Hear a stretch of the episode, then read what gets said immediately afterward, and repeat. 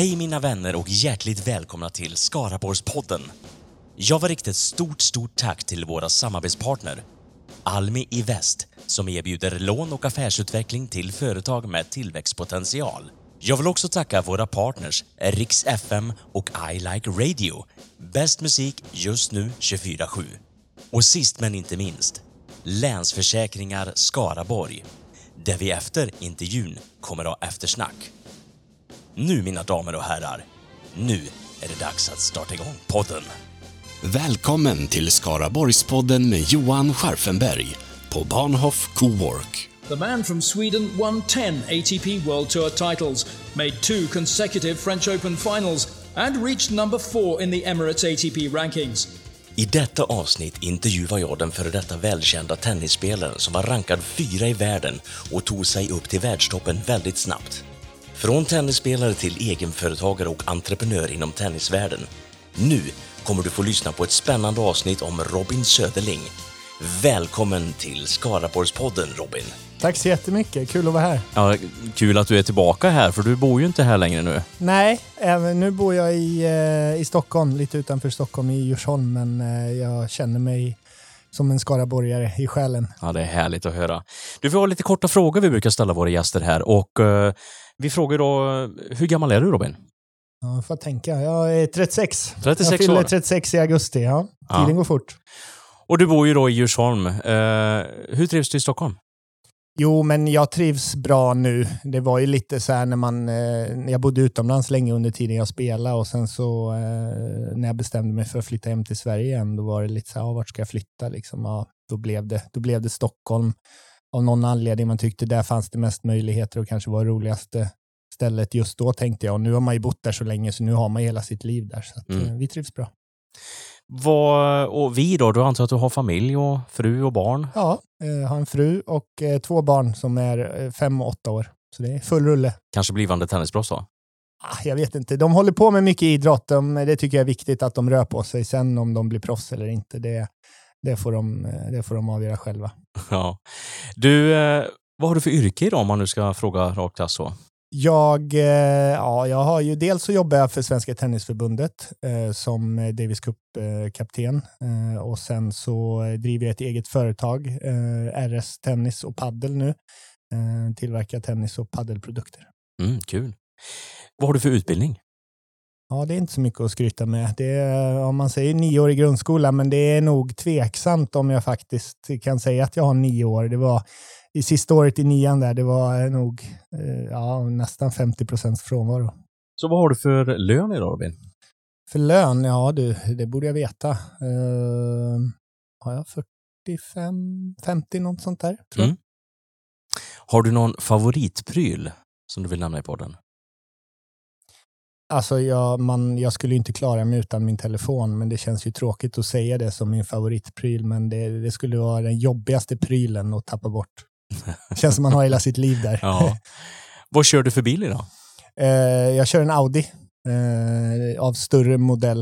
Eh, det måste få in, som vi sa, barn och det, nu är det hund också. Nu ska jag ha hundbur och grejer så att det, det är fullt. Det är knappt så den räcker till.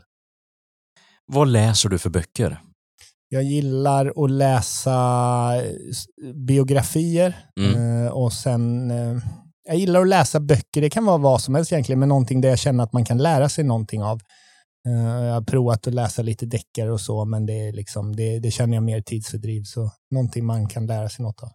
Och när vi kommer in på tv, finns det något speciellt tv-program du brukar kolla på?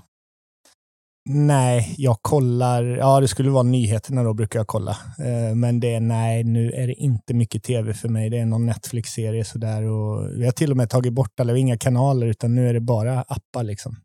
Så att, eh, nej, tv det var inte blir mycket. Det finns säkert någonting bra med det också, tänker jag. Ja, men jag tänker det. det. Sen är det ju frågan om då, vad gör man med den tiden istället? Det är ju, kanske man sitter och jobbar istället och ja visst, det är produktivt, men det är, nej, men det är rätt skönt faktiskt.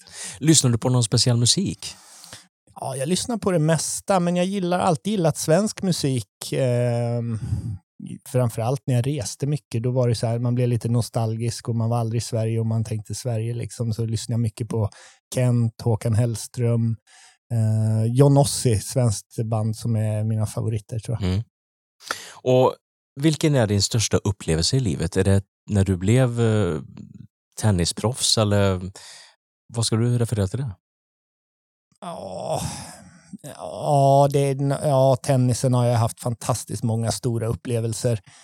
Sen är det klart, det är svårt att ta bort eh, när man fick barn och framförallt sitt första barn så där, det, är väl, det, det slår väl det mesta. Eh, men igen, på tennisbanan har jag haft många fantastiska upplevelser. Har du någon förebild idag?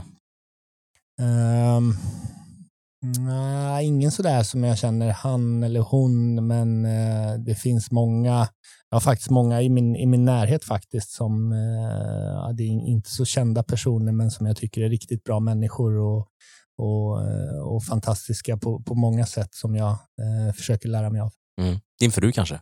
Ja, bland annat. Hon har, jag brukar säga det, det bästa med henne det är att hon har gjort mig till en bättre person faktiskt. Ja, underbart att höra. Vilken är eh, din bästa egenskap? Jag skulle säga att min bästa och min sämsta är att jag är envis. Mm. Den, eh, den har hjälpt mig otroligt mycket i många lägen. Ibland kanske jag till och med är lite för envis.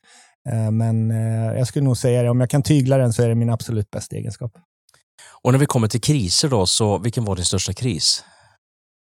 Det var helt klart när jag eh, var tvungen att sluta med tennisen och, och, åren efter där när jag mådde jättedåligt. Det var, det, det, det, den var lätt att svara på för det finns ingenting som, eh, som jag har gått igenom som har varit i närheten av det faktiskt. Mm. Och vad var du bäst på i skolan? Eh, idrott. ja, och sen gillar jag, ja, jag gillar språken också. Engelska, svenska gillar jag också. Har du lätt för språk? Uh, ja, men ganska lätt så tror jag faktiskt att jag har. Har alltid tyckt om att skriva och skriva svenska och engelska lärde jag mig ganska snabbt. Sen lätt för språk. Jag kan lite tyska, jag kan bra engelska, så att jag kan inte så många språk, men jag brukar kunna plocka upp saker ganska snabbt. Vad roar dig? Um, alltså det roligaste jag vet är typ att gå och käka en middag med kompisar liksom, och sitta och skratta bara och prata gamla minnen eller prata liksom saker som, som har hänt i närtid och, och sådana saker. Det kan jag tycka är riktigt, riktigt roligt. Finns det någonting som gör dig riktigt, riktigt arg idag? Um, jag försöker att inte hetsa upp mig så jäkla mycket över saker. Det är någonting jag blivit väldigt mycket bättre på. Jag kan tycka liksom, kanske jag kan bli lite arg på politiken ibland, eh, kanske inte just på sak, men att hur, liksom, hur polariserat det är. Och eh, hur liksom, det, det, det, man känner, det känns inte som man vill, vill försöka samarbeta överhuvudtaget, utan mm. det är verkligen det är mest bråk. Liksom. Finns det tillfällen Robin där du ljuger? Ja, det gör det nog. Ja, lite smålögner för mina barn sådär liksom, eh, kan det nog bli. För att de, de ska gå och lägga sig klockan åtta och är klockan halv åtta kan jag säga. Nu är klockan åtta, sådana ja. här små saker liksom. Men jag försöker. Jag, man, man, ärlighet, man kommer längst på det. Liksom. det jag eh, ljuga, man, man trasslar också in sig i, i jobbiga situationer då. Mm. När grät du senast? Nu var det ett tag sedan. Jag, jag vet ju, jag har fått den här frågan tidigare och jag vet ju under hela, men jag grät så jäkla sällan liksom. Jag, framförallt under min karriär liksom och det var väl nog, det var nog till min nackdel för jag pressade bort mycket saker och bara körde på och såg framåt. Men däremot när jag blev dålig och, och sjuk så där, då grät jag. Jag har sagt, jag gråtit så jag liksom kunnat fylla ett badkar. Mm. Under den tiden var det helt galet faktiskt. Det var som att allt bara, man har tryckt undan kom, kom upp till ytan. Och när jag säger Skaraborg, Robin, eh, vad är det första du tänker på då? Då tänker jag på eh, tennishallen i Tibro. Det är liksom, eh, och Tibro generellt så där, liksom, jag har sådana fantastiska minnen från Tibro. Även Skövde faktiskt, för det var ju liksom så här, när jag var liten och växte upp, det var ju, det var ju storstan. Det var ju hit man åkte. Nu ska vi åka in till stan och det var ju, det var ju häftigt. Så att, eh, ja men det är nog framförallt Tibro, idrotten där och min uppväxt där. Och jag menar, även om du bor nu i Stockholm så har du ju alltid dina rötter härifrån. Och det måste, hur känns det att komma tillbaka en dag som denna? Nej men absolut. Det är, mina föräldrar bor kvar i Tibro, samma hus som, som jag växte upp i. Eh, min syster bor i, i Jo så där, så att eh, tyvärr så hinner jag inte åka hit och hälsa på så mycket som jag skulle vilja. Mm. Men det är liksom, eh, ja, men jag, känner mig, jag känner mig hemma här. Det känns tryggt på något sätt. Så, Robin Bo Karl Söderling, född 14 augusti 1984 i Tibro. Och du har ju varit svensk professionell tennisspelare vars främsta meriter är två stycken finalplatser i Franska öppna 2009 och 2010. Hur mm. kändes det? Ja, men det var jättekul. Det är ju lite så här alla man, som, som liten knatte och som alla spelare har ju först ett mål att bli proffs och sen är ju de fyra största tävlingarna då eh, Australian Open, eh, Franska öppna, Wimbledon och US Open. Det är ju liksom de största och det är där alla vill först vara med och sen så drömmer man ju om att göra bra resultat där och kanske till och med vinna. Så det var ju fantastiskt. Men om vi går tillbaka lite Robin. Var det självklart för att du skulle börja med tennis? Alltså, när, när kom du på att du skulle börja spela tennis? Eh, jag kom nog inte på det själv, utan jag var en sån här kille när jag var liten som eh, jag älskade sport. Liksom. Det var, jag höll på med mycket, spela hockey, fotboll, handboll sådär och såklart tennis. Men pappa spelade tennis några gånger i veckan på skoj sådär och så följde jag med redan som typ fyraåring någonting och började. Och jag funderar mycket på det där. Jag tror att tennis var den enda individuella idrotten jag höll på med och på något sätt så passade det mig bättre, liksom min mentalitet och min personlighet bättre att hålla på med individuell idrott. Men skulle man säga att du alltid har varit intresserad av tennis? Ja, det har jag. Eh, men på något sätt så tänker jag också att det kunde lika gärna blivit någon annan sport faktiskt. För jag är väldigt intresserad av sport, gillar att röra på mig och jag säger ju det, nu när man har egna barn så märker man skillnaden mot när man själv växte upp. Då var liksom allting man höll på med när man inte hade något att göra var ju om det så var att spela fotboll i trädgården eller tennis på gatan. Det har ju tyvärr ändrats lite nu, liksom. det finns mycket annat som drar. Men, men, ja, men det blev tennis. Och sen har det också med att göra, tror jag, att jag, jag var nog jag var nog duktigast i tennis och ganska tidigt började jag göra lite resultat. Man började sen när man var 10-11 spela SM och vann SM och oj, jag är bäst i Sverige. Fick man liksom ett kvitto på sådär och det är klart att då blev det ännu roligare. Och jag tänker på det, jag spelar ju själv en annan sport som spelar golf då. Nu är inte jag så duktig kanske så, men eh, på den tiden fanns det ju Telia-touren, jag vet inte vad det heter nu, och då var du tvungen att liksom slå alla för att komma till det bästa. Är det samma i tennis, att du måste bli bäst eh, och slå alla under en, ja, hur det nu funkar. Ja, men det skulle jag säga. Tennis är ju en, en otroligt tuff sport på det viset för att det är en så global sport som spelas i princip i alla världens länder. Många utövare, men det är ganska få som lyckas bli proffs, eller väldigt få, och, och kunna leva på det. Man hör mycket så här, oj, det är så mycket pengar i tennisen. Så här, ja, men det kanske är 100-150 stycken av alla miljoner utövare. Liksom, så att eh, eh det är väldigt tufft. så. Men resan då för att ta sig från lilla Tibro upp till världsarenor, alltså du måste övat fruktansvärt mycket för att, för att komma dit du var. Ja, herregud vad jag spelar tennis. Alltså, det är helt otroligt. Men jag tycker det är kul också att, att det går. Det behöver inte vara det här som man idag kanske ser mycket. Det är liksom riktigt uppstyrt och det är akademier och det är fysträning från unga år. Eh, så hade ju inte jag, utan jag spelade liksom mycket tennis. Visst, jag hade tränare och tränarledda träningar sådär, men mycket var ju spontantennis. Jag bara spelade med alla som ville spela, liksom. om det så var barn i min ålder eller till och med pensionärer. Liksom. Jag har så minnen av att jag satt i tennishallen och bara väntade på att någon skulle spela och deras partner inte dök upp. Liksom. Då fanns jag där och hoppade in. Och det sägs ju också att din fars, han fick ju kanske aldrig satsa på tennis som du fick och eh, din talang eh, blev att det blev hans karriär också på något sätt. Ja, men lite så, så här, inte uttalat, men han, han spelade mycket pingis när han var yngre och eh, var, var duktig. Men han, eh, han har berättat för mig att hans mamma och min farmor eh, sa att när han var 18-19, eh, nu ska du, du, du ska plugga, du ska ner till Lund liksom. Och hon hade styrt upp allt åt honom så att han kände väl kanske att han inte riktigt hade något val där och då, då avslutade han sin satsning sådär. Så att jag tror nog att det var lite som att fan att han tänkte jag fick inte göra det här, då ska i alla fall eh, mitt barn få göra det här. Mm. Eh, hur var det då att växa upp i Tibro och Skaraborg, eh, känner du?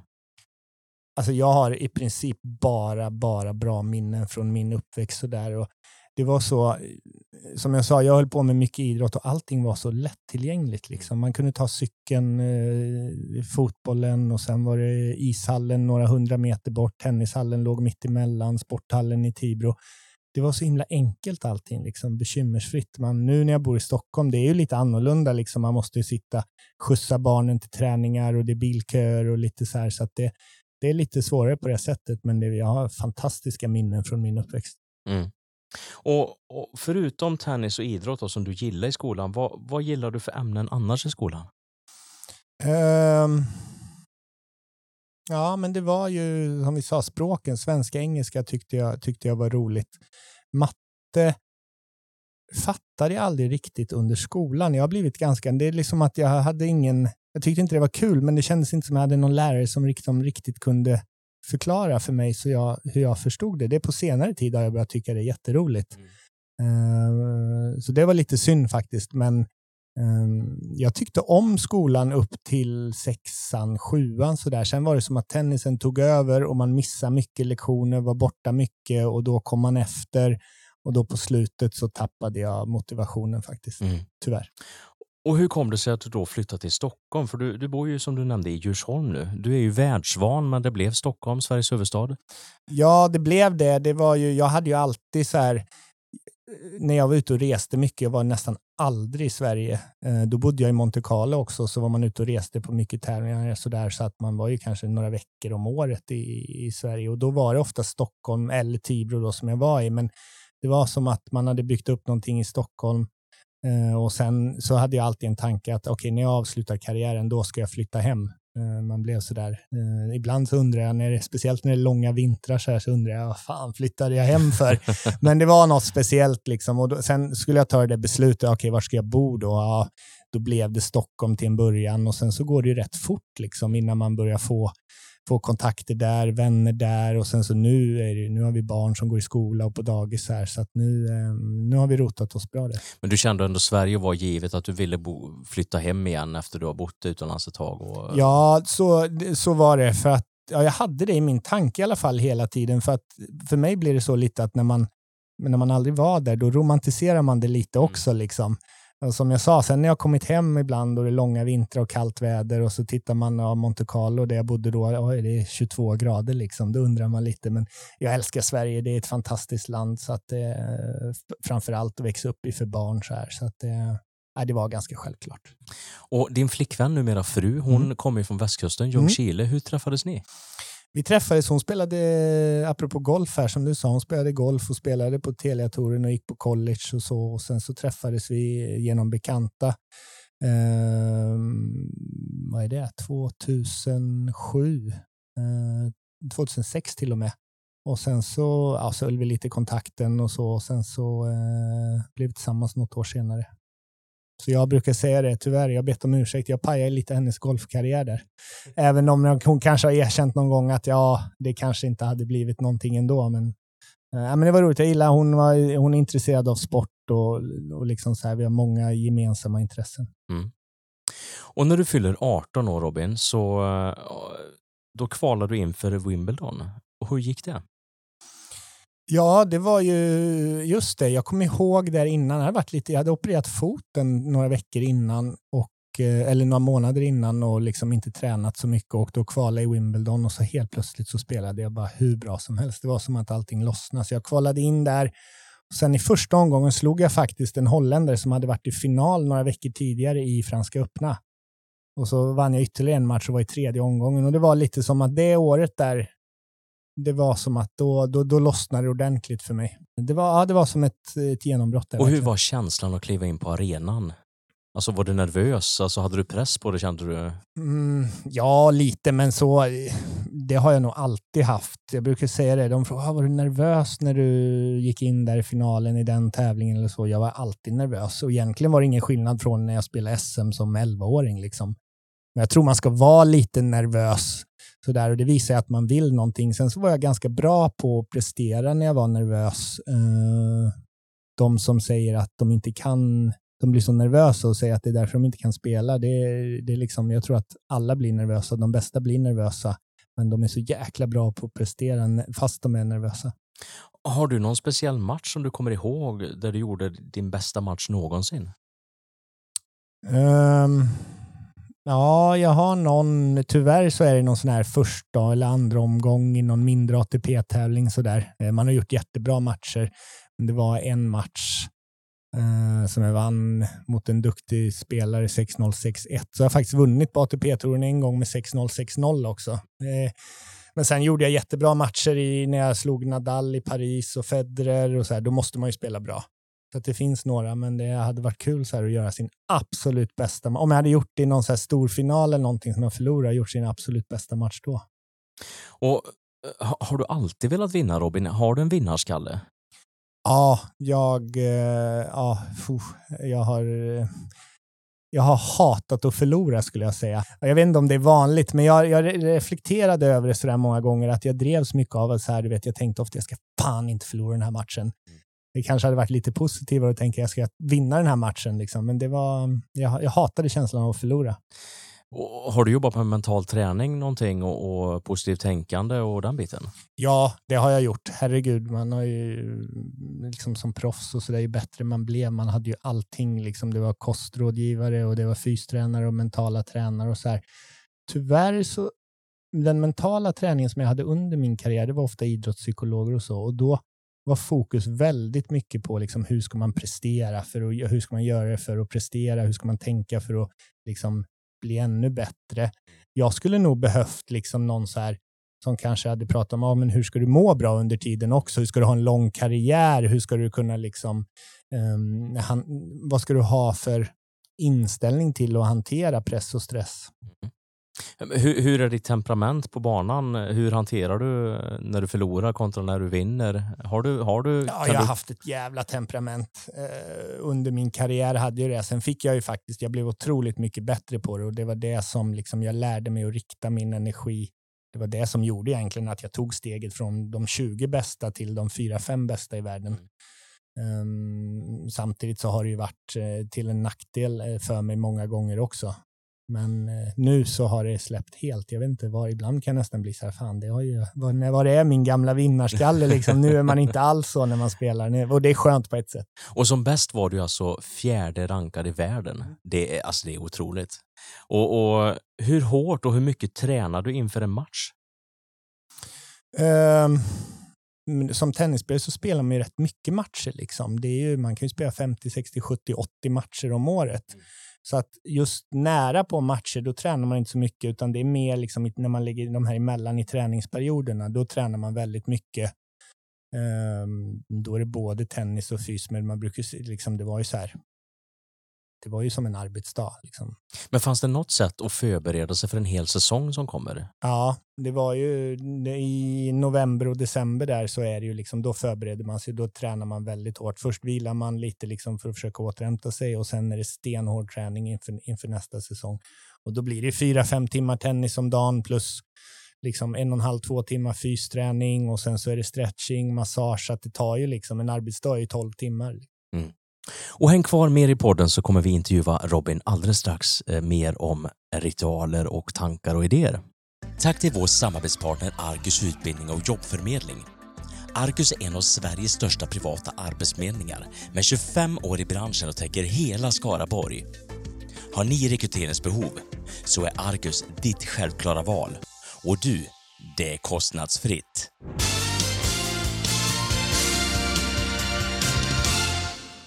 Så Robin, när vi kommer in på ritualer och, och, saker som händer på banan. Hade du några ritualer när du klev ut på banan?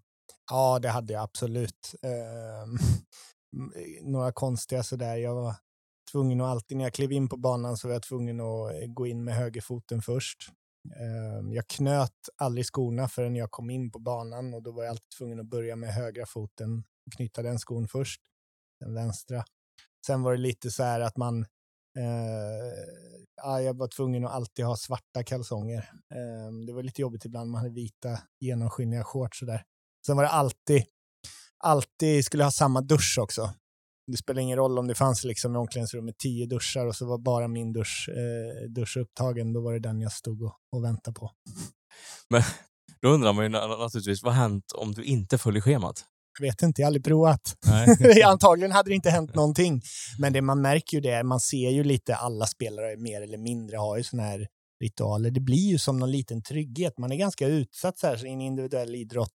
Du är helt ensam, går in på banan. Jag tror det är man, något sätt att försöka liksom hitta någon slags trygghet i den här otryggheten. Mm.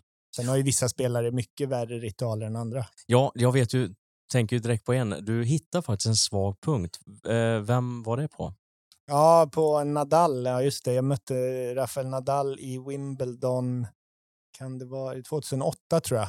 Vi spelade, det var numera, för några år sedan så byggde de ju tak över eh, centerkorten i Wimbledon, men då fanns det ju inte det, så då så fort det började regna måste man ju bryta. Och det var så här, det var flera dagar, vi höll på, jag tror vi höll på fyra, fem dagar, för det var så många regnavbrott liksom in och ut på banan. Och efter ett tag så märkte jag så här att han vill ju, han vill ju att jag ska gå först hela tiden. Och då tänkte jag så här, efter, ett regnavbrott, tänkte jag nästa gång, då ska jag fan se om, om, om han kan gå först. Mm. Och det var ju liksom, då är det som det kommer en, när det är dags, liksom, då kommer de till omklädningsrummet och hämtar en, en vakt och säger ja det är dags. Och varje gång då han sa det är dags, då sprang Nadal in på toa och bak och liksom började fixa håret, gå på toa, knyta skorna och han tittade så här om jag hade ställt upp mig och var redo att gå till banan. Men eh, den här gången så satt jag bara kvar liksom. Jag såg att han blev mer och mer stressad. Så till slut så kom han fram där och sen så när man ska gå till centercourten i Wimbledon, då är det som en lång gång liksom. Och han gick och jag höll mig bakom honom hela vägen och jag såg hur stressad han blev. Det var ovant för honom. Till slut så då så fick jag faktiskt in honom först på banan. Men det var så här, det tog mycket energi för mig också faktiskt. Ja, ja jag kan tänka mig. Men han, alltså, för han har ju sina ritualer har man ju också sett. Och frågan är, hur, hur kan det påverka spelet sen när man sätter igång, när du inte gör dina vanliga ritualer? Ja, alltså det är ju så små marginaler. Alla i toppen är ju så bra liksom och det är ofta några poäng här och där som avgör en match. Eh, så I och med att marginalerna blir så små så tror jag att många sådana här saker kan, kan avgöra. Eh, sen så tror jag liksom det där kanske inte i det stora hela så kanske inte spelar så stor roll, men eh, det var nog mer, mer en grej att jag ville testa. Jag upptäckte en av hans liksom, viktiga ritualer han hade. Och det sägs att vaktmästaren, liksom, eller var han som kommer hem till Nej, Nadal, nu går du först. Liksom. Ja, till slut så kom vi fram till banan då liksom, och så är det så stora portar som de öppnar och säger ja, varsågod och gå in. Och då, då börjar han liksom rota ner i väskan och låtsas leta efter någonting. Och ja, försöka. han måste väl alltid ha ett racket i handen? Just det, mm. just det. Han har alltid ett racket. Det hade han ju där och han låtsades liksom sådär och, till, och jag bara stod kvar och till slut så sa de där, ni måste gå in nu, det är tv-sändningen har börjat liksom. Det är så här, och ingen vägra, ingen, ingen gick in på banan och till slut så sa de där, Nadal du får gå först. Ja, då tog han sin väska och traskade in. Han såg lite osäker ut där. Och, och vi pratar ju om förebilder och sånt, men har du någon förebild inom tennisen? Ja, men det har jag. Framförallt när jag växte upp. Då hade jag två faktiskt. Det var Andrew Agassi, en amerikan före detta världsetta och sen en svensk faktiskt, Thomas Enqvist, som också var, ja, han var fyra i världen som bäst. Uh, jag kommer ihåg, han är tio år äldre än mig. Jag kommer ihåg, jag mötte han första gången när jag var, jag var 17 och då hade jag liksom så här fyra år tidigare hade jag tagit hans autograf. Det var rätt stort. Jag mötte han i Stockholm Open. Den gången förlorade jag. Sen möttes vi tre gånger till efter det och då vann jag de matcherna. Och det, det gick så fort där. Som jag sa, liksom, det där var mina idoler, de svenska spelarna. Och sen några år senare så mötte jag dem och, och till och med slog dem. Liksom. Det, var, det var en häftig upplevelse. Har du träffat några av våra gamla tennisstjärnor som Mats Wilander, Björn Borg och Absolut, ja, ja, jag har träffat, träffat dem alla.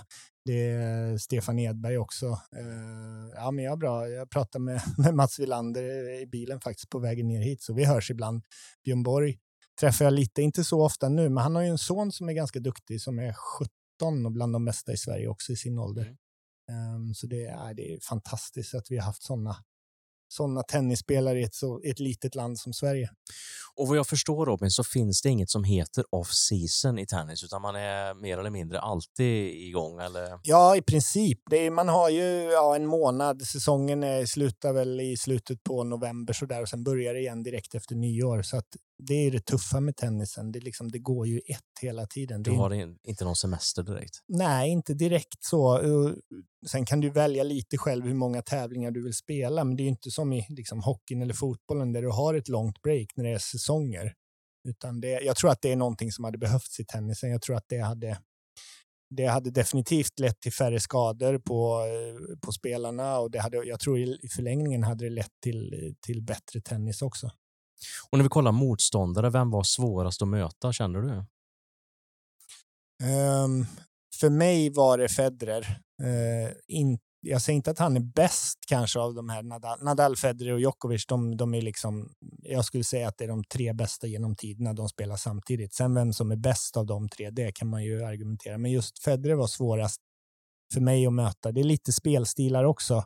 Så där han hade ett spel som, eh, som var svårt. Det var, jag vet, jag har ju mött, mött dem alla som sagt och även om jag förlorar no, ibland sådär, då kunde jag ändå, om jag förlorar mot Djokovic, då kunde jag ändå komma av banan och säga, ah, okej, okay, men det var en bra match, jag spelade bra, det var, han var lite bättre liksom idag. Men Federer var väldigt sällan jag kände att jag spelade bra mot. Han, han, spel, han får en att vara obekväm på banan och det är verkligen en av hans styrkor. Eh, vad är han för typ av spelare, Federer? Han spelar ju väldigt snabbt eh, och ger motståndaren väldigt lite tid och han har egentligen inga svagheter heller. Och sen har han förmåga att mixa upp spelet och anpassa det väldigt bra till motståndarens eh, svagheter. Um, och, och, som sagt, liksom, han kan så himla mycket. Nadal och Djokovic, de är så otroligt bra på det de gör. Men man vet hela tiden när man går in på banan mot dem, då vet man okej, okay, det här har jag att förvänta mig. Vad var du för typ av spelare? Ehm, jag levde ju mycket på, eh, på mina grundserv och mina grundslag och jag försökte vara eh, offensiv ehm, och slog, slog hårt och försökte vara den som styrde spelet hela tiden. Eh, lite för att mina fysiska förutsättningar är så också. Jag, jag är ganska lång och så. Min svaghet var väl lite i defensiven och då blev det ännu mer att man försökte liksom spela offensivt så man inte hamnar i defensiven för mycket. Vilken typ av Grand Slam-tävling tycker du mest om? Är det Melbourne, Paris, Wimbledon, US Open? Eh, det är svårt. Eh, jag har haft mina bästa resultat i Paris och då blir det ju någonting att man kanske gillar den bäst, men eh, samtidigt alla de är fantastiska och de är så olika på sitt sätt. Liksom. Men jag skulle nog säga kanske Australian Open i Melbourne just för att atmosfären är fantastisk där. Jag gillar Australien som land. Eh, väldigt avslappnad. Sen så har du Wimbledon som är helt tvärtom. Det är lite stelare liksom. Och sen så har du US Open där det bara är show, där de, folk sitter med stora bärs och popcorn på läktaren och musik hela tiden. Så att alla har sin egen charm, men det är, jag får väl säga Paris då ändå. Om vi kollar underlag, är det grus, är det gräs eller matta? Vilket tycker du mest om att spela på? Ehm, jag hatade grus i början av min karriär. Ehm, jag är uppväxt i Sverige, liksom, det spelar man mycket inomhus. Man spelar på grus tre månader om året, så jag älskade att spela på hardcourt inomhus och hade mina bästa resultat där. Men sen så, ju äldre jag blev, jag lärde mig att spela mer och mer på grus. Så att, eh, Franska öppna är på grus, så att jag, jag spelade faktiskt i slutet av min karriär så var jag riktigt bra på grus av någon anledning. Eh, så det är svårt att säga, men eh, jag har vunnit mest matcher på hardcourt kanske. Hur var det att spela på gräs? Är frågan då. Det var, ja, första gångerna kommer jag ihåg, det var ju helt, eh, det kändes ju konstigt liksom. Det gör man ju inte så ofta, men sen så är det så här, banorna är så bra nu i Wimbledon. Det, jag brukar säga det är som ett biljardbord liksom, så mm. det är nästan som ett... Som, som en green? Ja, ja, men som en golfgreen. Det är liksom som ett vanligt underlag. Det studsar lite lägre så där och går lite snabbare, men ja, men det, det är kul. Jag gillade gräs. Vilken är den längsta matchen du har spelat i tid? För rekordet vet jag har läst någonstans är amerikanen John Isner och det pågick, matchen var alltså totalt i 11 timmar och 5 minuter. Kan det ens vara möjligt? Ja, nu är det inte möjligt längre för efter det så ändrar de reglerna i Wimbledon och då spelar de, eh, då spelar de tiebreak i avgörande istället. Nu var du tvungen, de spelar långt sett i avgörande, femte avgörande sättet så då måste du vinna med två games marginal. Um, så den tog ju, men det var efter det som de ändrade reglerna. Jag tror jag har väl spelat i ja, närmare fem timmar någonting.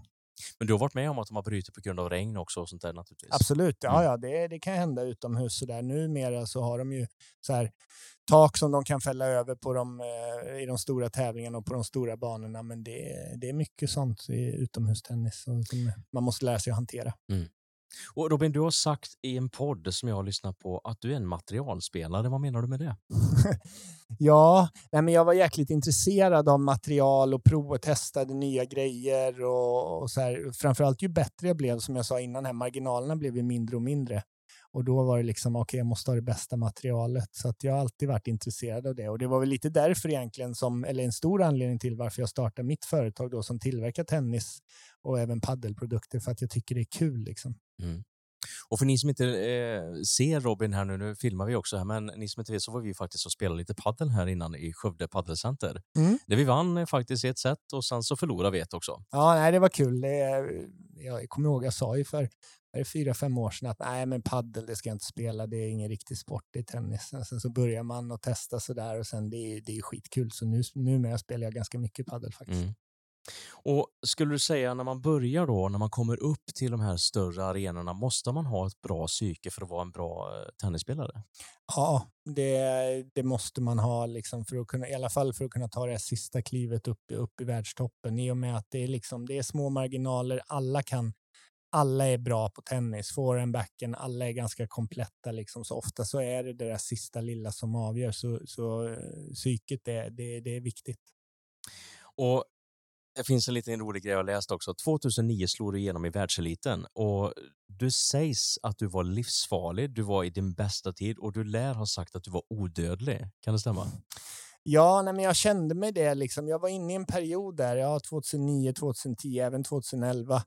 En riktigt bra, det var väl den bästa, eller helt klart den bästa perioden av min karriär. Du vet när man känner att man är fysiskt i, i toppform, skadefri, och man, man känner att man spelar riktigt bra tennis. Och så kände jag också att jag, nu, jag kunde verkligen utmana alla, de allra, allra bästa spelarna. Det var inte så att jag vann alltid, men jag visste att okej, okay, möter jag eh, Federer som har världsett eller Nadal, då, då har jag en chans att vinna. Liksom. Och det var, det var en, en mm. fantastisk mm. tid. För 2009 så tog du faktiskt Nadal i Paris. Eh, den känslan måste ju varit otroligt stark och glädje måste du känna. Och och då tog du din fjärde omgång i Grand Slam och sen i finalen så möter du Federer. Mm. Hur gick det?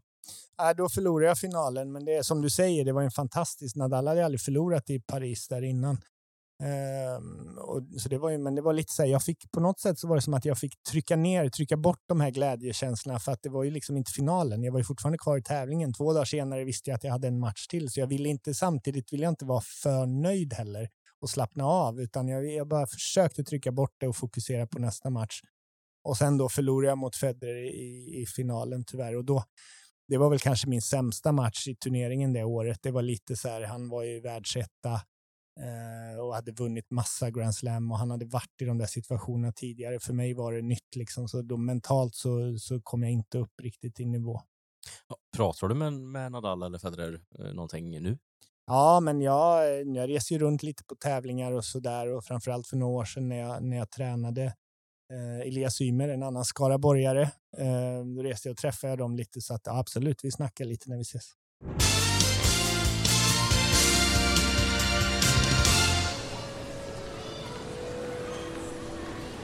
Barnhof Cowork i Skövde är ett all inclusive kontor med coworking space. Hyr in dig 30 sekunder från spåret Få tillgång dygnet runt och alltid med flexibla avtalstider. Välkommen till Skarborgs nya affärscentrum för entreprenörer och nyfikna företagare. Vi ses på Skövde tågstation. 2010 sen då, Robin, så tog du ju Federer, men då förlorade du mot Nadal istället. Vem anser du är bästa tennisspelaren, Nadal eller Federer, om du får bara välja mellan de två? Ja, det är otroligt svårt. Um, ja, om man tittar på vem har vunnit flest turneringar, vem har flest Grand Slam-titlar, vem har varit världsetta längst, så är det ju faktiskt Federer. Så att tittar man bara på statistiken så, så är det ju fortfarande Federer. Sen, han är några år äldre än de här killarna, så att vi får se sen när alla har avslutat sina karriärer, vem som har vunnit mest. Men det, det är svårt att säga um, vem som är bäst. Det, det är helt klart tre av de bästa spelarna genom tiderna. Vi börjar närma oss nu 2011 och någonting händer i ditt liv. Du börjar må fruktansvärt dåligt. Kan du beskriva känslan? Vad är det som händer?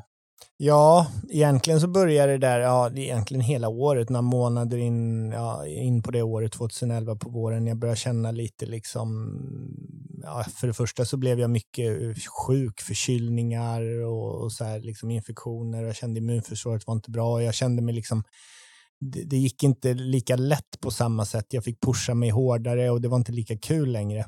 Kände du dig stressad? Ja, men det gjorde jag. Jag visste nog det inte då. så här Nu så här i efterhand kan jag ju se att jag var ju superstressad och fick mycket varningssignaler från kroppen. Så där. Men jag har ju alltid varit sån. Jag bara trycker bort och kör på. Det har ju tagit mig väldigt långt också. Men till slut då så var det efter, jag spelade Swedish Open i Båstad på sommaren där 2011 och efter det så var det som att ja, då gick proppen ur. Liksom. När du tränade, svarade du bra på träningen eller var det som vanligt? Eller hur, hur reagerade du? Ja, innan det så var det ju, det blev tuffare och tuffare. Liksom. Jag kommer ihåg att jag blev onormalt trött i perioder. Liksom. Jag eh, kunde spela en halv minut och var helt slut liksom, och det gick inte att träna. Så vilade några dagar så funkade det och sen fick jag en infektion, fick jag ont i halsen, feber. Och sen där fick jag körtelfeber också. Det var, jag tror att det var lite som när jag fick det, då var det som att ja, det var droppen som, som fick bägaren att rinna över på något sätt. Och, och, du är fortfarande rankad fyra i världen med den här tiden. Och, hur kom du vidare? För det måste ju varit en, en, press, för samtidigt måste du känna att jag måste hålla mig kvar i världseliten och, och fortfarande spela. Ja, så var det ju. Det liksom, men det var där efter Båstad, då, då, då kom allting och då mådde jag så otroligt dåligt. Och samtidigt var det ju som en stress liksom att Eh, man ville hela tiden tillbaka och man ville tillbaka fort och man bara tänkte okej, okay, jag måste börja må bra snart, snart måste jag komma tillbaka. Så det var ju en stress, det var, det var otroligt jobbigt.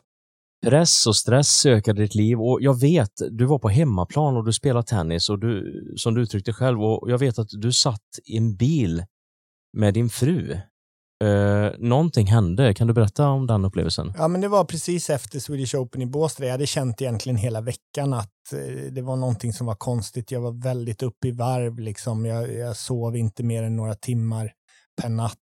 Och, men på något sätt så lyckas jag ändå prestera och vann den tävlingen. Och sen var det som att efter finalen, prisutdelning, presskonferenser och grejer och sen så skulle jag åka hem då. Vi skulle åka till Stockholm för att sen flyga till Monte Carlo. Jag vet hur jag tänkte så här, ah, men nu är det fyra veckor till nästa turnering. Nu ska jag vila lite, ta en vecka här. Och, liksom, och det var som att ju mer jag slappnade av, ju sämre började jag må bara. Mm. Vet du ens hur du kom hem? Nej, jag vet att jag började köra. Jag körde då och sen efter ett tag så bara tänkte jag att nej, det här, det här går liksom inte. Utan det var, då fick vi stanna och så fick, fick Jenny då uh, köra bilen och sen så var det som, nej, jag, kom in, jag har väldigt suddiga minnen från egentligen första, första månaden, månaderna efter det där. Och när ångesten kröp sig på, hur var känslan? Så att säga, eh, kan, du, kan du beskriva för lyssnarna hur, hur en ångestattack kändes för dig? Nej, det, det är väldigt svårt att beskriva. Liksom. Och det är knappt som att jag så här, idag kommer ihåg det. Det känns som på något sätt som ett annat liv, vilket är skönt. Men jag vet att jag har några sådana minnen från som etsat sig fast när man mådde sådär fruktansvärt dåligt. Och det är fortfarande idag, om när jag pratar om det, hur man kan känna att jag nästan ryser bara jag pratar om det. Och det var liksom, nej, det var konstant ångest och jag var helt slut, orkade inte gå upp för en trappa och det var som att jag hade tunnelseende. Helt plötsligt kunde jag inte se åt sidorna. Och det var hjärtklappning och eh, det var, jag var kallsvettig och, och det bara fortsatte och fortsatte och tog aldrig slut. Så att det var, eh, det var egentligen första, jag skulle säga första två, två, två och ett halvt åren var otroligt jobbiga. Även om det säkert sakta blev lite bättre då också, men det var så små skillnader hela tiden så man, man det kändes som att det inte blev bättre överhuvudtaget. Och bara en sån liten grej Robin, som när posten landade på golvet eller telefon ringde så fick du panikångest. Ja, det var allting. Jag, var, jag kände mig så skör och det var så sjukt för att liksom någon vecka tidigare så hade jag eh, varit supervältränad idrottsman som jag klarade i princip hur mycket träning och grejer som helst. Nu orkade jag som sagt knappt gå upp för en trappa och jag orkade knappt resa mig ur sängen. Samtidigt som jag hade den här panikångesten och malande ångesten hela tiden. Och allting var så nytt för mig så jag visste ju inte vad det var. Jag trodde man började tänka att jag har fått någon sjukdom och man åkte till doktorer och och tog alla tester och allt såg ju normalt ut. Och de bara, äh, men du är nog bara lite stressad. Ja, jo, jag är ganska stressad tänkte man över det här. Men någonstans tänkte man sig, ja men snart det går över, det går över. Okej, jag vilar en vecka. Men eh, det tar ju otroligt lång tid liksom. Och jag tror att det blev inte riktigt hundra bra för mig förrän man helt ändrar inställning till saker och ting och man får liksom lära, sig om, lära om sig och hur man lära ett nytt levnadssätt på något sätt. Och Det sägs ju också när du skulle gå på toaletten så hade du en stol i mitten. Det kanske var 10-15 steg till toaletten ja, och du var tvungen att pausa. Och... Ja, nej, men det, först, först var det bara en kraftansträngning att resa sig upp ur sängen och sen så var det som du säger, det kanske 10 meter till toaletten, men det var, ja, jag fick ha en stol emellan och sätta mig och vila där efter fem meter och sen gå de sista fem metrarna och sen samma tillbaka. Så att, det var jättekonstigt. Man fattade ju också att ja, men så här dåligt, man kan inte det här kan inte hända på några dagar. Liksom. Jag var ju supervältränad, men det var bara som att kroppen helt la ner. Du var dränerad på energi förstår jag och mycket stresshormoner i kroppen. Ja, det var konstant hjärtklappning och det var så här konstigt för att jag var helt super upp i varv men ändå helt slut. Det var bara ja, men någonting som man aldrig hade känt innan och äh, det var hemskt. Du, du, beskriver också i, ett annat reportage jag har eh, lyssnat på att du var uppe på nätterna i mysbyxor, kunde gå runt och eh, vandra på stan, stämmer det? Ja, men det var ju när man låg där och snurrade i sängen och mådde så dåligt samtidigt var så trött så bara kände jag att jag måste gå ut och man orkade ju knappt gå men man liksom lunkade fram där mitt i nätterna bara för att få några andra intryck och någonting annat att fokusera på. Så det var, det var många nätter man bara liksom vandrade runt på stan. Kom du fram till då 2011 att det var körtelfeber du hade och tror du att detta var anledningen, en liten del, att du hade den här panikångesten? Ja, men det var lite som att, som jag tror det nu, ja man kom fram till att jag hade körtelfeber, men det var som att jag tror att jag fick körtelfeber, för jag var så nedtränad och mitt immunförsvar var inte bra redan innan på grund av mycket hård träning, mycket stress, lite återhämtning. Och sen var det som att när jag fick körtelfeber, det var, det var liksom droppen som fick bägaren att rinna över på något sätt. Så att det var inte symptom från körtelfeber. De, de satt i ett tag, men det var, det var på något sätt som att det var mitt minsta bekymmer då. Eh, den här febern och ont i halsen, det, var, det gick över efter några månader. Men eh, det där stannar kvar i många, många år, det andra. Vad kände du då när, du hade de här panikångestarna? Var det så liksom att nu är min karriär över, men du ville tillbaka? Eller hur, hur, hur gick tankarna? Man, man får ju som ett, innan det där, då hade, det, då hade det, det viktigaste för mig var tennisen och min tenniskarriär. Jag var så superfokuserad på det. Inget annat betydde någonting egentligen. Men när man mår så här dåligt, då får man ju en ögonöppnare att okej, okay, hälsan är nog viktigast ändå. Så att först så, jag ville tillbaka, men först var det det första fokus bara var att så här kan jag inte må. Samtidigt som, som jag kände hela tiden, att jag måste må bra fort också, för jag måste tillbaka. Jag ville inte ge upp tenniskarriären så. Var det så någon gång att det gick så långt så att du försökte ta livet av dig? Nej, det har jag aldrig gjort. Eh, däremot så vet jag att man har tänkt många gånger så här, man, man, vill ju inte, man vill ju leva, man vill ju inte dö. Men jag vet att efter ett tag när det fortsatte så länge så tänkte man bara så här, men snart finns det inget alternativ för att alternativet att fortsätta leva i det här, det går inte, jag står inte ut längre. Det var som att varje sekund kändes som en timme och man vaknade på morgonen om man ens hade sovit något och bara man förstod inte hur man skulle orka ta sig igenom dagen. Så att man får en annan förståelse för de, de som faktiskt tar steget. Men nej, jag försökte inte och jag, var, jag vet, nu är det lätt att säga att jag inte var nära, men eh, absolut så fanns ju tankarna där att nej, men det här är liksom, det är inte ett värdigt liv, så här kan jag inte fortsätta må. Det sägs att du har googlat på hur man eh, tar livet av sig. Ja, men det kan jag nog ha gjort någon gång sådär att man googlar när man börjar tänka sig, okej, okay, vad, vad, är det bästa sättet? Vad är det lindrigaste sättet? Men sen är ju steget är otroligt långt att göra det. Samtidigt som någon gång, jag tänker så här att det som faktiskt räddade mig, det var att jag, jag hade någon slags hopp hela tiden om att det skulle bli bättre. Man levde på hoppet hela tiden och det höll mig liksom flytande och att jag orkade kämpa på. Jag tror att när det där sista, hade det sista lilla hoppet försvunnit för mig när man tänker att det kommer aldrig bli bra, vilket jag tänkte många gånger, men samtidigt någonstans där, jo, jag ska, jag, jag ska ta mig ur det här. Men försvinner det där hoppet, då förstår jag det. Man får en helt annan förståelse för de som faktiskt, som faktiskt inte orkar längre. Och Du försökte spela några gånger, men panikångesten kom tillbaka på banan. Fick du avbryta med en gång eller genomförde du matchen eller träningen? Nej, jag försökte träna lite, men det var ju, jag förstår inte ens att jag ens trodde att det skulle funka, för någonstans kände jag redan innan det här kommer inte gå. Liksom, och det var, nej, det var inte. Men man var så tjurig och envis så man ville bara så fort, och det gjorde jag ju felet, att så fort jag kände mig aningen, aningen bättre, då tänkte man ah, okej, okay, nu, nu vänder det, nu börjar vi köra igång och det var ju liksom bara av att träna fem minuter så fick jag ju sådana bakslag. Så även efter liksom två år när jag mådde ändå, inte långt ifrån bra, men jag mådde bättre, försökte jag träna då. Då åkte jag tillbaka till dag ett igen inte under så lång tid utan kanske under några veckor och sen så återhämtade jag mig igen. Men det var, jag fick så många bakslag för att jag försökte komma tillbaka. Hade du många som stöttade och hjälpte dig under den här tiden? Ja, jo men det ska jag säga. Jag har, jag har två vänner. Ja, dels min fru har ju stöttat mig otroligt mycket. Sen har jag två vänner också som, som faktiskt har gått igenom liknande saker. En, en genom idrott och en som ja, bara har jobbat för mycket, drivit företag och så. Och de, eh, det var otroligt skönt att kunna prata med dem för att man kände, de kände, jag kände igen mig så mycket i vad de sa. Och de satt där och liksom levande bevis på att de faktiskt mådde bra idag. Jag vet inte hur många gånger jag frågar dem, så här, men eh, du mår helt bra, du, man kan bli helt bra. Mm. Bara få den här försäkran.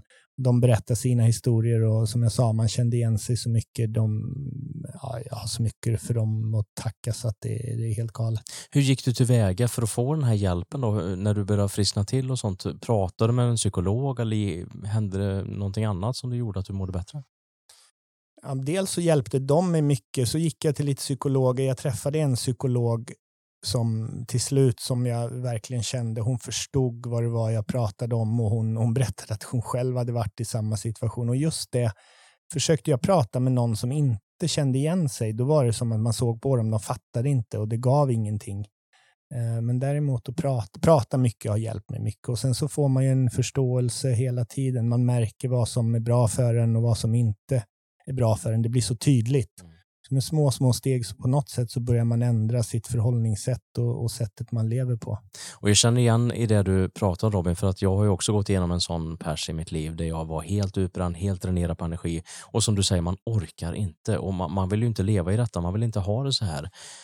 Eh, och hur stark man än är, som du pratar om att du var en ganska vältränad idrottsman, så hur den försöker så är det så att kroppen bara lägger av, den stänger av ett säkerhetssystem. Ja, nej, tyvärr är det ju så nu, framförallt nu när jag har berättat om det så där så är det ju så många som har hört av sig och som, eh, som stannar och vill prata och säger att de också har varit igenom liknande, liknande saker till ja, olika i olika grader då. Och det är, mm, tyvärr är det så att det är otroligt vanligt i dagens samhälle och det är någonting som, ehm, som, kommer, som är ett stort problem och kommer, om det inte bryts, kommer bli ett ännu större problem. Det är så himla vanligt.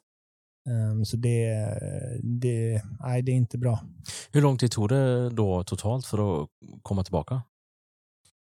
Alltså det där är lite svårt att säga för att vad är, till slut börjar man tänka så här, vad är bra? Mm. det är så här, vad man, man kan nog må jättebra, men jag skulle säga att det tog nog sju, åt, sju åtta år till jag mådde, liksom, ja, sju år till jag mådde riktigt, riktigt bra mm. igen. Och nu ibland kan jag känna sig i perioder att kan jag få så här, ja, men jag mår så här bra som jag inte har gjort sedan jag var barn. Mm. Så jag tror när jag tänker tillbaka så var det nog några år innan där, där jag inte, jag mådde nog inte så bra då heller. Men hade någon frågat mig då, hur mår du? Mm.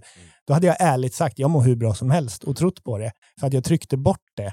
Men nu, så här, som jag sa, i, i efterhand kan jag se att nej, men det var en sakta en, en nedförsbacke ända ner hela vägen. Och det är ju så, ofta är det ju så. Det är de som verkligen går in i väggen eller de som, de som mår dåligt är ofta de som är ganska starka, som orkar pressa sig igenom det här. Mm. En, en sund eller normal människa, jag på att säga, kanske liksom reflekterar över att nu mår jag inte så bra och tar lite vila. Mm. Jag var inte så, jag var ju totalt tvärtom. Och 2015 då så tar du faktiskt beslutet, då, julafton var det va, till och med, att du gick ut med ett pressmeddelande att du lägger av? Ja, eh, ja men jag kände det då.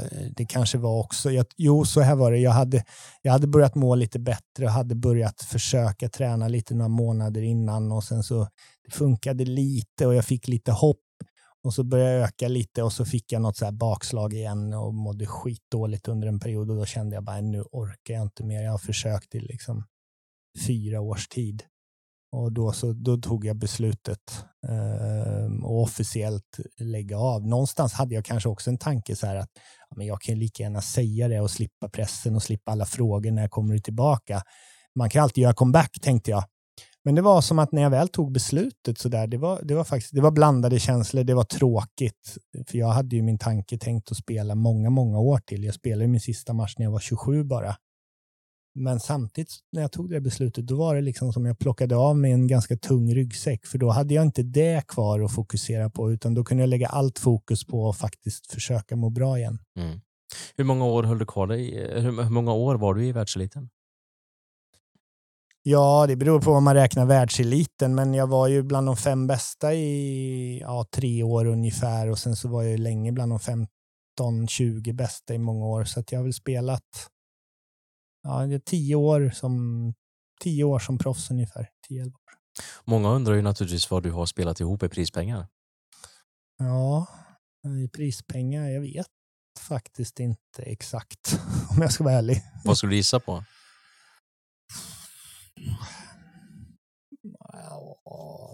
Alltså bara prispengar menar du nu? Mm.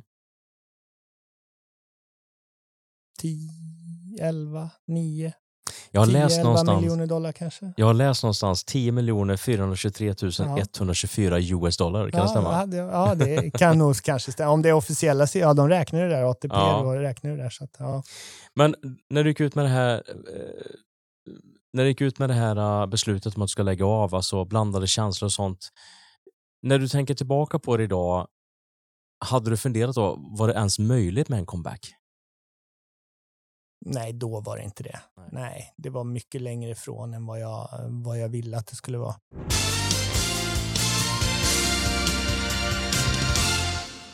Hej! Julia här på Skaraborgs städ. Vi har 50 års erfarenhet av städning. Nu är det extra viktigt med hygien och att hålla beröringsytor rena. Vi hjälper gärna er. Läs mer på skaraborgs.se. Ta hand om er. Men nu jobbar du ju med ditt egna företag och du är kapten också för eh, tennis. Eh, hur, hur ser ditt uppdrag ut där? Ja, men jag, jobbar, eh, ja, jag jobbar veckovis då med, med landslaget kan man säga, de bästa Davis Cup-laget. Eh, nu har det ju varit lite mindre år för det blev inställt i år här med, eh, med corona och viruset. Sådär. Så att eh, ja, men vi kör lite träningar och det är matcher med, med landslaget och så. Jag reser runt lite. Eh, nu har det bara blivit i Sverige, men tanken är att jag ska ut med spelarna lite när de tävlar och så här. Så att det, det är väl en, ska jag säga, halvtidstjänst kanske. Ja, och så driver du också RS Sport. Eh, och eh, eh, hur mycket tid lägger du på detta idag? Ja, otroligt mycket tid. Det har varit mycket nu. Ja, det har blivit. Men jag tycker det är så roligt. Det är eh, fantastiskt kul och nu- som sagt från årsskiftet så börjar vi med paddel också och det har ju det har lyft otroligt mycket. Eh, inte bara i Sverige, i hela Norden egentligen. Um, så det har blivit väldigt mycket jobb, men samtidigt så går det bra och vi känner att vi hela tiden går framåt, utvecklar oss. Så att, eh, jag tycker det är kul, men det gäller att hitta balansen också. För jag känner ju lite det här som jag hade i tennisen, att jag hela tiden vill framåt, hela tiden bli bättre. Jag har ju någon slags driv. Eh, men, eh, men det gäller att hitta balansen också för att man har, man har bara ett liv.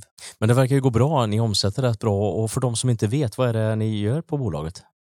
Vi tillverkar eh, tennis och paddelprodukter i princip allting. Eh, paddelbollar, racketar, tennissträngar, eh, bollar, lindor och, och så här. Så att det är alla tennis och, och paddelprodukter som vi säljer runt om. Vi är större på tennisen fortfarande. Tennisen är en mycket större sport globalt sett. Så att det, ja, men I år har det gått jättebra. Vi har ju liksom nästan tredubblat bolaget i år. Uh, och då ändå, liksom det har varit i vissa länder har det varit uh, helt nedstängt med tennisen också, när de inte har, tennishallar har inte varit öppna. Men det har, uh, det har gått väldigt bra. Det är, vårt problem är att hinna med nu. Det är angenäma problem, men det är ändå problem. Men man lär sig någonting varje dag, det gillar jag också. Jag har alltid varit sån, jag gillar att lära mig saker. Det behöver inte vara någon, någonting man har någon nytta av, men det är kul. Jag tror att hela livet handlar om, hela livet är ett, ett ständigt lärande. Utveckla sig som person, jag gillar det. Och du har även varit kommentator i Rio, sägs det? Mm. Ja, vi var i, just det, vi eh, var i Rio i OS där och kommenterade. Eh, Det var jätteroligt samtidigt som det var lite jobbigt att se. Det var alla spelare liksom som jag hade mött som var där. Och nu satt jag och kommenterade och de spelare jag träffade alla. Det var, det var superroligt, men det var lite så här, lite blandade känslor. Robin, vad tror du att du gör om fem år? Um, ja, alltså jag är ganska så nöjd med mitt liv nu så att eh, jag skulle nog egentligen inte vilja göra någonting annat än vad jag gör nu. Eh, förhoppningsvis så, så fortsätter mitt bolag att utvecklas, eh, att jag jobbar och kan hjälpa svensk tennis och att vi får fram några, några duktiga juniorer som sen tar steget och blir, och blir proffs för att eh, det skulle verkligen behövas för, eh, för svensk tennis. Och på någonstans, jag älskar tennis men jag, eh, i allmänhet, men jag eh, älskar liksom svensk tennis i synnerhet så där för att jag har fått så mycket hjälp av, eh, av, av tennisen i Sverige och Svenska Tennisförbundet så det vore kul att ge tillbaka och vi, vi, vi behöver några, några världsspelare i tennisen idag. Då så Robin, vi har fått in lite lyssnarfrågor som eh, folk vill ställa till dig. Ja, kul. Så eh, vad är det konstigaste som har hänt på planen när du har spelat tennis? Jag, spe jag spelade i Florida en gång, juniortävling, jag vet inte om jag är 14 eller 16 års. Och helt plötsligt så, så är det som ett träd precis vid banan som hänger över lite. Och helt plötsligt så ramlar det ner en sån jättestor grön orm på banan. Alltså så här två meter. Oj. Jag stod i och för sig på andra sidan, men min motståndare blev ju helt livrädd alltså. Aha. Ja, det var riktigt äckligt. Fick de avbryta spelet? Ja, ja, ja. Och sen det var ingen först som vågade plocka bort den där och sen fick de ta dit någon som eh, vågade plocka. Han tog i huvudet och la ner den i någon säck liksom. De var jättegiftiga eller? Ja, det vet jag inte. Den såg jävligt giftig ut. Så grön, två meter lång orm liksom. Och eh, tennisan, är det någon som har frågat här, är det kopplat till sporten överhuvudtaget? Ehm, Vet du det?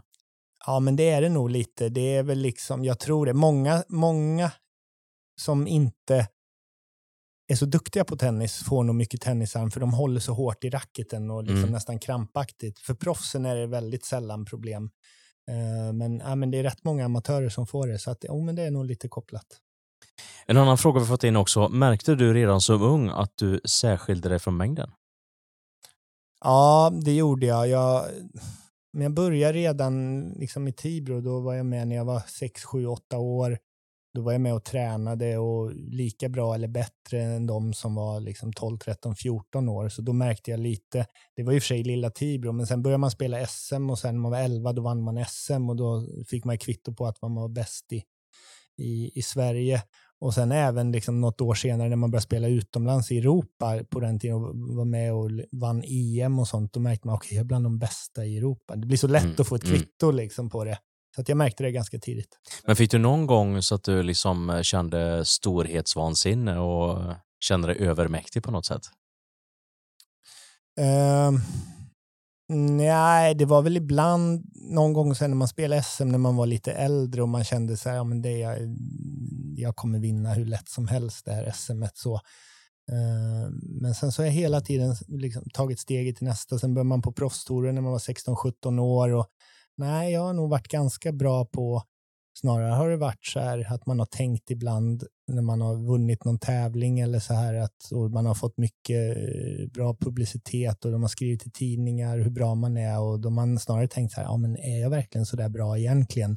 När ska de, okej han skriver att jag är bland de bästa i världen och visst jag är det på rankingen men när kommer alla märka att jag nog inte är så här bra egentligen? Jag hade nog lite tur men det tror jag är ganska vanligt att man känner. Mm. Robin, tre sista frågor till dig. Om du får välja ut en plats i Skaraborg och bygga ett hus, vart är det och varför? Mm. Ja, men det skulle nog vara, jag gillar ju Tibro, men alltså jo någonstans vid Vättern där. Eh, jag tycker det är så fantastiskt fint där. Ehm, ja, men det skulle nog bli det och det är nära Tibro också. Vilken annan skaraborgare skulle du vilja lyssna på i podden och varför? Då skulle jag nog, ja Bert Karlsson har ju varit med redan, Mm, så då, med. ja, då går han bort. Ehm, Anders Eriksson kanske. Mm. En jävla karriär. Eh, Någon välkänd eh, Tibro-bro som du tänker på? finns ju många sportprofiler från Tibro. Ja, det gör faktiskt. det ju. Ja, Anton Strålman hade varit rolig att lyssna på också. Mm. Eh, jag har lite minnen från, jag tror att han spelade tennis lite när vi var små också. Är ni goda vänner och har kontakter? Nej, jag har inte, ingen kontakt med honom, men det är ju fantastiskt bra gjort av honom. Han har haft en grym karriär i. Mm. Vad vill du rekommendera i Skaraborg och varför? Ehm, jag tycker det finns, det, alltså det är fin natur, tycker jag. Och det, vad jag känner nu, det är väl klart, det kanske inte är unikt för Skaraborg, men alltså det, det, det, är som ett, det är någon slags lugn här om man jämför med de, de större städerna. Det finns allt, men ändå så är det någon slags lugn över det. Jag får i alla fall ett lugn eh, här och framförallt när jag är hemma. Det är ett lite lägre tempo. Eh, folk är generellt är de faktiskt lite trevligare. Nu drar jag alla över en kam ordentligt här, men det är liksom en ja, men lite vänligare, vänligare inställning. Mm. Men du trivs bra ändå i Djursholm och du kanske hittar ditt lugn där också? Givetvis. Ja, men det gör jag. Nu bor vi ju, vi bor ju ja, det är en kvart utanför stan så där, och det är, Mm. ja, men det är lite Tibro, det är lite småstad över det hela, så där, liksom, även om det såklart är, är lite annorlunda. Så ja, men jag trivs. Jag är nog ingen, eh, jag är nog ingen så här storstadsmänniska egentligen. Robin, stort, stort tack för att du tog dig tid att komma hit till oss på Skaraborgspodden och fick intervjua dig. Tack själv, det var fantastiskt roligt att få vara med. Tack. Eftersnack med Länsförsäkringar Skaraborg. Hjärtligt välkommen till Skaraborgspodden och eftersnack med Länsförsäkringar Håkan. Tack så mycket. Kul att ha dig här på plats. Jättetrevligt att vara här. Vad tyckte du om Robin Söderlings avsnitt? Jag tyckte det var fantastiskt bra avsnitt och eh, det finns ju saker som man reflekterar på när man lyssnar på det och det, är, det första är ju naturligtvis att eh, det är en fantastisk idrottsman med en jättefin idrottskarriär. Eh, han har ju trots allt lyckats i en sport liksom där bara hundra utav en miljon blir, blir professionella eh, och spelat in jättefina prispengar. Det andra som jag reflekterar på det är ju när han berättar i, i, om när han faktiskt eh, gick i väggen när han blev sjuk. Och eh, det påverkade ju honom väldigt mycket personligen. Nu var ju Robin en, en spelare som har spelat in mycket pengar och kunde klara sin ekonomi på ett bra sätt. Men jag tänker för, för företagare och för, även för anställda att en sån situation för, den, för gemene man är ju väldigt tuff att klara av om man inte har någon form av hjälp på vägen. Jag tänker Robin har ju som du säger spelat in mycket pengar. Han har råd att vara kvar hemma. Men hur funkar det och vad anser ni på Länsförsäkring att man kan göra för att kanske då eh, lyfta upp den situationen om det har hänt att du skadar dig eller att du blir sjuk? Egentligen så spelar det ingen större roll om, om du, oavsett om du är anställd eller om du är företagare. Det som är viktigt att, att, att tänka på det är ju ja, det är egentligen några olika delar. Det finns, vi brukar prata om risken för ett kort liv och risken för ett långt liv. Och Det korta livet kan man förstå för det är ju att man kanske går bort här och nu och att man skaffar sig skydd för det och för sina efterlevande. Det andra är ju risken för ett långt liv. Det handlar om att du behöver faktiskt ha pengar att leva för när du blir äldre. Men däremellan så tror jag att det är många som missar. Man pratar väldigt mycket om man ska ha avkastning på, på sitt pensionskapital. Men vad händer om du blir sjuk och framförallt om du blir långvarigt sjuk? Är man anställd så har man ju oftast ett kollektivavtal. Om man inte har det så ska man förhoppningsvis vara hos en arbetsgivare som ser till att du har en tjänstepensionslösning där det finns en sjukförsäkring som ger dig extra pengar under din sjukdomsperiod. Är du egenföretagare, då finns inget sånt. Du har inget skydd från samhället utan du måste skaffa de lösningarna själv. Och Det är väldigt sent att tänka på det den dagen om man blir sjuk. För man brukar skämtsamt säga i försäkringsbranschen att man försäkrar inte en bil som är krockad utan då är det för sent att skaffa sig den lösningen. Håkan, som företagare är man sin egen precis som Robin var. Och finns det något som företagare kan göra för att förebygga det som Robin hamnar i? Men det är ju en, det är en intressant fråga och faktum är ju att vi ser ju det att eh, behovet av förebyggande åtgärder, eh, snabb, möjlighet till snabb vård och, och, och rehabplanering är ju jättestort. Och som företagare så har man ju eh, behovet av att snabbt vara tillbaka på jobbet. Man kanske har anställda som man ser har en del problem som man kan erbjuda eh, förebyggande åtgärder. Eh, och likadant att som företagare så kan man ju behöva hjälpa till med en rehabplan. Eh, det kan vi erbjuda genom vår sjukvårdsförsäkring och det finns ju naturligtvis andra också. Vad innebär den sjukvårdsförsäkringen för företagare? Kan du berätta lite? Jo, men alltså, tänk så här att du, du själv till exempel upplever att jag har problem med att sova. Jag känner mig stressad. Då finns det självhjälpsprogram, KBT-program som man får tillgång till när man, när man tecknar den här tjänsten. Sen samtidigt så är det så här att om, om du blir riktigt allvarligt sjuk, du skadar i knä eller om, om du blir borta från jobbet beräknat ganska länge så kan du få möjlighet till lite snabbare vård eller betydligt snabbare vård än vad den allmänna vården kan erbjuda. Den allmänna vården så har du ju sju dagar för att du ska få träffa en allmänläkare. Men du 90 dagar för, för, för remisstiden. Sen kan det vara provtagning och sen ytterligare 90 dagar tills du hamnar i en operation. Med en sjukvårdsförsäkring så har du inom sju dagar träffar du en specialist och är utlovad operation om det behövs inom 20 dagar. Kan inte vi uppfylla det så får du 1000 kronor per dygn. Dessutom Och vilket är ännu viktigare om du är egenföretagare och inte är specialist på rehabplaner så erbjuder ju Länsförsäkringar då en rehabplan för dina anställda där, du, där vi sköter all pappersexercis och alla de sakerna som det handlar om att få folk tillbaka till arbetet. Så det är väl värt pengarna. Tack Håkan för att du var med i eftersnack för Länsförsäkringar och Robins avsnitt. Tack så mycket själv. Där hörde vi eftersnack med Länsförsäkringar om Robin Söderling. Missa inte nästa avsnitt av Skaraborgspodden. Jag vill också passa på att tacka våra sidekicks LC Consulting och DJ Henky Productions. Glöm inte att följa oss på sociala medier för att se och lyssna på extra material. Du kan också besöka oss på www.skaraborgspodden.se. Tack för att du lyssnar på Skaraborgspodden. Vi hörs snart igen.